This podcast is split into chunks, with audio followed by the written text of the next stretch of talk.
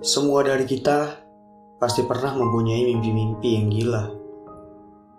Mimpi-mimpi yang entah akan menjadi nyata atau hanya akan menjadi harapan. Aku pun juga pernah memilih untuk mencintai satu perempuan rupawan. Dia indah, hanya saja kadang-kadang sedikit keras. Keluarga dan karir adalah prioritas kehidupannya. Cinta hanyalah hal kesekian dari list yang ada pada mimpinya. Dia selalu ada di sekitarku setiap hari, tapi hanya berani kupandangi. Padahal begitu dekat, tapi hati kita tak pernah bisa terikat. Mencintai dalam dia mungkin adalah keputusan yang baik ketika kau sedang jatuh cinta pada sahabatmu sendiri. Menunggu waktu yang pas untuk mengatakan hal yang pantas Terlalu lama aku mengagumi, tak berani mengungkapkan rasa ini. Sampai pada akhirnya, dia memutuskan untuk mencintai pria lain. Bercerita padaku dengan penuh semangat. Sampai tak sadar, ada perasaan yang telah dibuat begitu melumat. Agar merasa tak terbebani, aku memutuskan untuk mencintainya lewat tulisan. Memilikinya lewat keikhlasan menaruh harapan pada doa di setiap telapak tangan ketika meminta pada Tuhan. Entah akan didengarkan Tuhan atau tidak, tapi selalu saja aku semogakan. Entah disatukan Tuhan atau tidak, tapi rasanya hanya itu yang bisa kulakukan. Sampai pada akhirnya, satu kertas bertuliskan namaku ada di atas meja, sembari meminum kopi. Aku membukanya hati-hati. Dan ya, duar.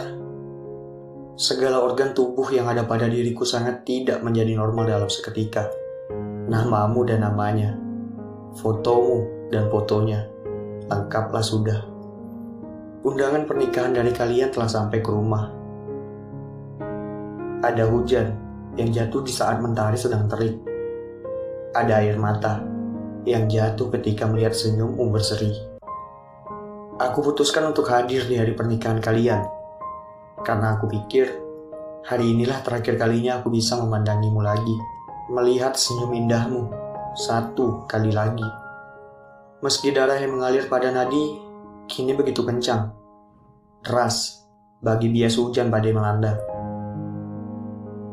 Dari bawah sini, aku ucapkan selamat Kau terlihat lebih indah hari ini sayang. Dari bawah sini, aku doakan semoga bahagia.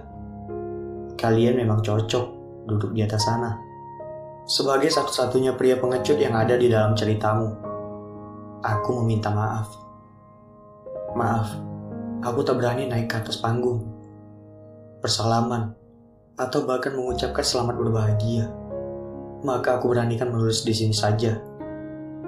Berharap Tulisan ini suatu saat akan kau baca dengan seksama. Salam, pengecut yang pernah ada.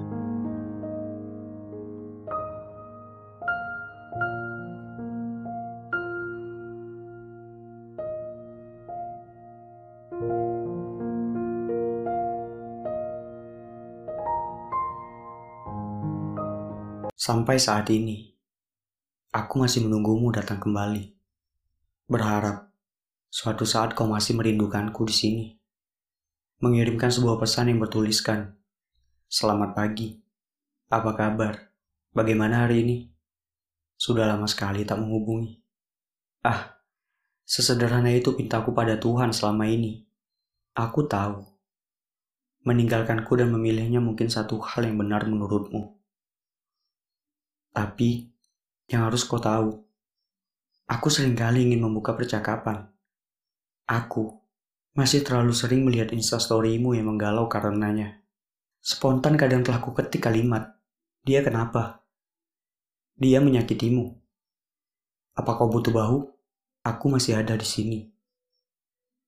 Tapi spontan juga pesan itu langsung aku hapus. Kau tahu kenapa? Aku tak cukup berani mengganggu hubungan kalian. Terlalu pengecut rasanya jika mengambil kesempatan dalam sedihmu. Aku tak ingin. Meski sebenarnya kita semua adalah pembohong, perihal menyatakan rasa sayang. Meski sebenarnya, kita semua adalah pecundang pada tiap rasa yang seharusnya diungkapkan. Mungkin, satu-satunya yang beda hanyalah cara kita berbohongnya saja. Kau tahu, sekarang tubuh ini semacam dibunuh, tapi tidak mati. Hanya karena menunggu hal ini terjadi. Atau lebih tepatnya, menunggumu datang kembali menemui. Sampai kapan kiranya hal itu akan terjadi? Butuh berapa tahun lagi? Butuh berapa jam lagi? Maaf, aku hanya terlalu sering menanyakan hal ini pada diriku sendiri. Aku hanya ingin kau menemuiku satu kali lagi. Aku ingin mengajakmu berkelana, menyusuri sudut-sudut kota atau bahkan semak belantara, agar dapat kau saksikan tanda-tanda kebesaran Tuhan, agar dapat kau terima bahwa kau pun salah satunya, setidaknya untukku, karena setelah kau tinggalkan aku masih sendiri, menikmati secangkir kopi, berharap luka setelah pergimu lekas memulih. Mungkin cukup lama, tapi rasa-rasanya aku cukup merasa betah. Masih belum ingin jauh berkelana. Masih belum ingin menyambung luka-luka berikutnya. Masih ingin seperti ini. Tak berurusan pria latih. Meneguk secangkir kopi, ditambah mendengar alunan musik Firsa Besari. Aku rasa ini cukup. Setidaknya untuk saat ini. Kenapa? Kenapa apanya? Kenapa menatapku begitu tajam? Tanyamu. Kami yang sedang duduk berhadapan di sebuah kedai kopi, ketika langit sedang menangis sejadi-jadi. Semesta seakan memberikan kami ruang untuk menghabiskan waktu, setidaknya sedikit lebih lama lagi. Ya nggak apa-apa, aku hanya sedang melihat banyak hal di sana. Jawabku. Banyak hal? Apa? Tanyamu. Matamu bagiku adalah sebuah tempat atas rinduku menatap.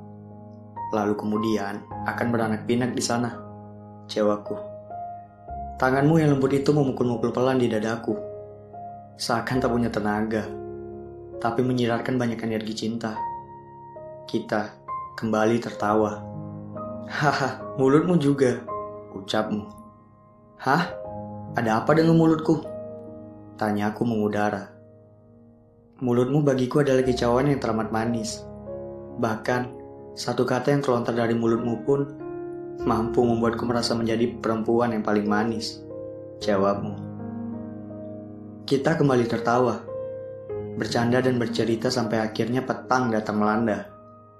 Waktu pulang pun tiba, dan entah beberapa puluh malam setelah percakapan itu, kita pun pergi dengan mencari jalan menemukan roda kehidupan sendiri-sendiri. Pun, sampai saat ini belum juga aku temui alasanmu beranjak pergi. Mungkin kamu sudah tak ingin bersama lagi. Benar, ini tidak akan pernah menjadi salahmu. Ini pilihan hidup yang kita selalu berhak untuk memilih. Dan pergi menjadi pilihanmu kali ini.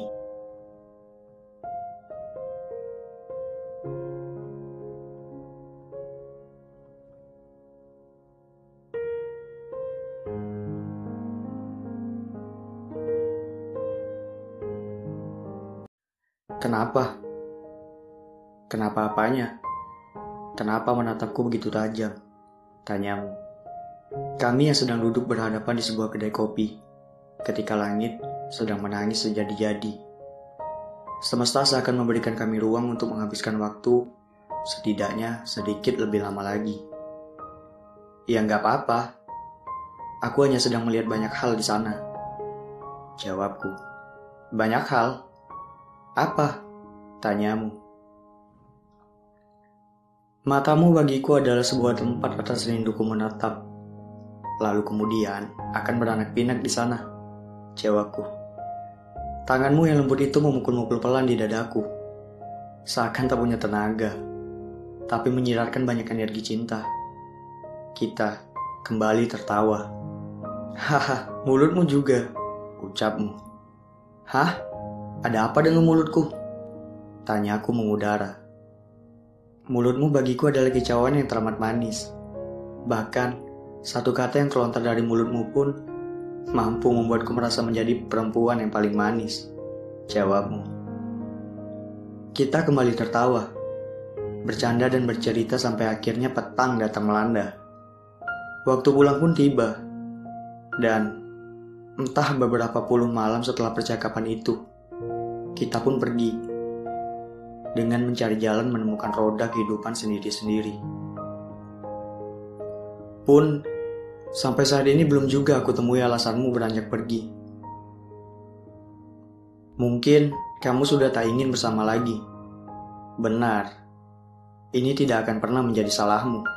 Ini pilihan hidup yang kita selalu berhak untuk memilih. Dan pergi menjadi pilihanmu kali ini.